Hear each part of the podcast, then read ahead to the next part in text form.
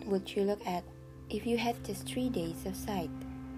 Helen Keller, blind and deaf from infancy, gives her answer. Three Days to See by Helen Keller. I have often thought it would be a blessing if each human being were stricken blind and deaf just for a few days at some time during his early adult life. Darkness would make him more appreciative of sight silence would teach him the joys of sound. Now and then, I have tested my seeing friends to discover what they see. Recently, I asked a friend who had just returned from a long walk in the woods what she had observed. Nothing in particular, she replied. How was it possible, I asked myself, to walk for an hour through the woods and see nothing worthy of note? I, who cannot see, find hundreds of things to interest me through mere touch. I feel the delicate symmetry of a leaf. I pass my hands lovingly about the smooth skin of a silver birch or the rough, shaggy bark of a pine.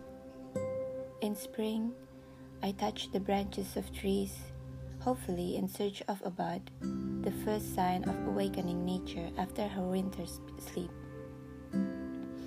Occasionally, if I am very fortunate, I place my hand gently on a small tree and feel the happy quiver of a bird in full song. At times, my heart cries out with the longing to see all these things. If I can get so much pleasure from mere touch, how much more beauty must be revealed by sight. And I have imagined what I should most like to see if I were given the use of my eyes, say, for just three days. I should divide the period into three parts. On the first day, I should want to see the people whose kindness and companionship have made my life worth living. I do not know what it is to see into the heart of a friend through the window of the soul, the eye. I can only see through my fingertips the outline of a face. I can detect laughter, I can detect sorrow, and many other obvious emotions. I know my friends from the feel of their faces. How much easier, how much more satisfying it is for you who can see to grasp quickly the essential qualities of another person by watching the subtleties of expression, the quiver of a muscle, the flutter of a hand. But does it even occur to you to use your sight to see into the inner nature of a friend? Do not most of you seeing people grasp casually the outward features of a face and let go at that? Can you describe accurately the faces of five good friends? As an experiment, I have questioned husbands about the color of the wife's eyes, and often they express embarrassed confusion and admit that they do not know. Oh, the things I should see if I had the power of sight for just three days. The first day would be a busy one I should call to me all my dear friends and look long into their faces, imprinting upon my mind the outward evidence of the beauty that is within them. I should let my eyes rest on the face of a baby so that I could catch a vision of the eager, innocent beauty which precedes the individual's consciousness of the conflicts which life develops. I should like to see the books which have been read to me and which have revealed to me the deepest channels of human life. And I should like to look into the loyal, trusting eyes of my dogs, the little Scotty and the stalwart Great Dane. In the afternoon, I should take a long walk in the woods and intoxicate my eyes on the beauties of the world of nature and I should pray for the glory of a colorful sunset. That night, I think I should not be able to sleep. The next day, I should arise with the dawn and see the thrilling miracle by which night is transformed into day. I should behold with awe the magnificent panorama of light with which the sun awakens the sleeping earth. This day, I should devote a hasty glimpse of the world, past and present. I should want to see the pageant of man's progress. And so I should go to the museums. There, my eyes would see the condensed history of the earth, animals, and the races of men pictured in their native environment. Gigantic carcasses of dinosaurs and mastodons, which roamed the earth before man appeared, with his tiny stature and powerful brain to conquer the animal kingdom. My next stop would be the Museum of Art. I know well through my hands the sculptured gods and goddesses of the ancient Nile land.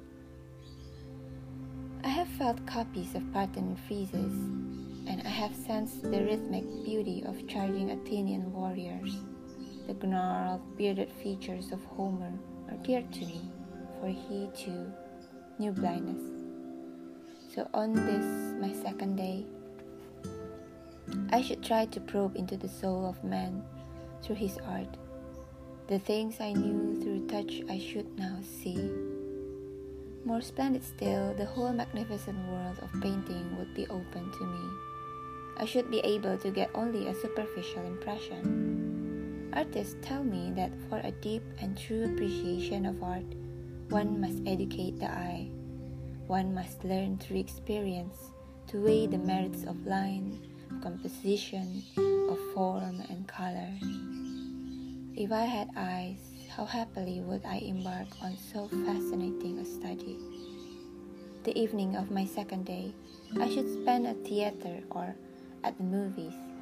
How I should like to see the fascinating figure of Hamlet, or the gusty Falstaff amid colorful Elizabethan trappings. I cannot enjoy the beauty of rhythmic movement except in a sphere restricted to the touch of my hands. I can vision only dimly the grace of a Pavlova, although I know something of the delight of rhythm. For them. I can sense the beat of music as it vibrates through the floor. I can well imagine that cadenced motion must be one of the most pleasing sights in the world. I have been able to gather something of this by tracing my fingers the lines in sculpture made marble. If the static grace can be so lovely, how much more acute must be the thrill of seeing grace in motion.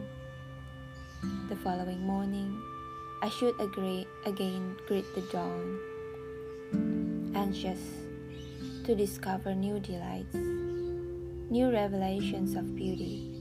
Today is this third day I shall spend in the workaday world, amid the haunts of men going about the business of life. The city becomes my destination. First, I stand at a busy corner, merely looking at people, trying by sight of them to understand something of their daily lives. I see smiles and I am happy. I see serious determination and I am proud. I see suffering and I am compassionate. I stroll down Fifth Avenue in the New York City. I throw my eyes out of focus so that I see no particular object but only a seething kaleidoscope of color. I'm so sorry. I am certain that the colors of women's dresses moving in a throng must be a gorgeous spectacle of which I should never tire. But perhaps if I had sight, I should be like most other women, too interested in styles to give much attention to the splendor of color in the mass. From Fifth Avenue, I make a tour of the city to the slums, to factories, to parks where children play.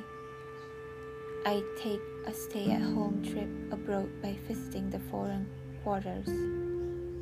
Always my eyes are open wide to all the sides of both happiness and misery, so that I may probe deep and add to my understanding of how people work and live. My third day of sight is drawing to an end. Perhaps there are many serious pursuits to which I should devote the few remaining hours.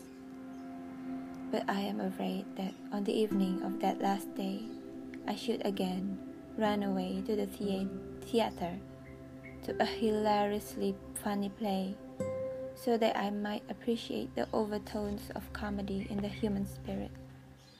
At midnight, permanent night would close in on me again. At midnight, permanent night would close in on me again. Naturally, in those three short days, I should not have seen all I wanted to see. Only when darkness had again descended upon me should I realize how much I had left unseen. Perhaps this short outline does not agree with the program you might set for yourself if you knew that you were about to be stricken blind. I am, however, sure that if you face the fate, you would use your eyes as never before. Everything you saw would become dear to you. Your eyes would touch and embrace every object that came within your range of vision. Then at last, you would really see, and a new world of beauty would open itself before you. I, who am blind, can give one hint to those who see. Use your eyes as if tomorrow you would be stricken blind, and the same method can be applied to the other senses. Hear the music of voices, the song of a bird, the mighty strain of an orchestra as, as if you would be stricken deaf tomorrow. Touch each object as if tomorrow your tactile sense would fail. Smell the perfume of flowers. Taste with relish each morsel as if tomorrow you could never smell and taste again. Make the most of every sense, glory in all the facets of pleasure and beauty which the world reveals to you through the several means of contact which nature provides. But of all the senses, I am sure the sight must be the most delightful. Helen Keller contracted a virulent childhood disease which resulted in complete loss of sight and hearing at 19 months. Through a touch alphabet spelled into her hand at age 7, Keller learned language and that speech and the world opened to her. She graduated from Radcliffe College in 1904. Keller wrote prolifically, traveled widely, lectured on various topics, and was awarded numerous honorary degrees from universities around the world. Thank you for listening.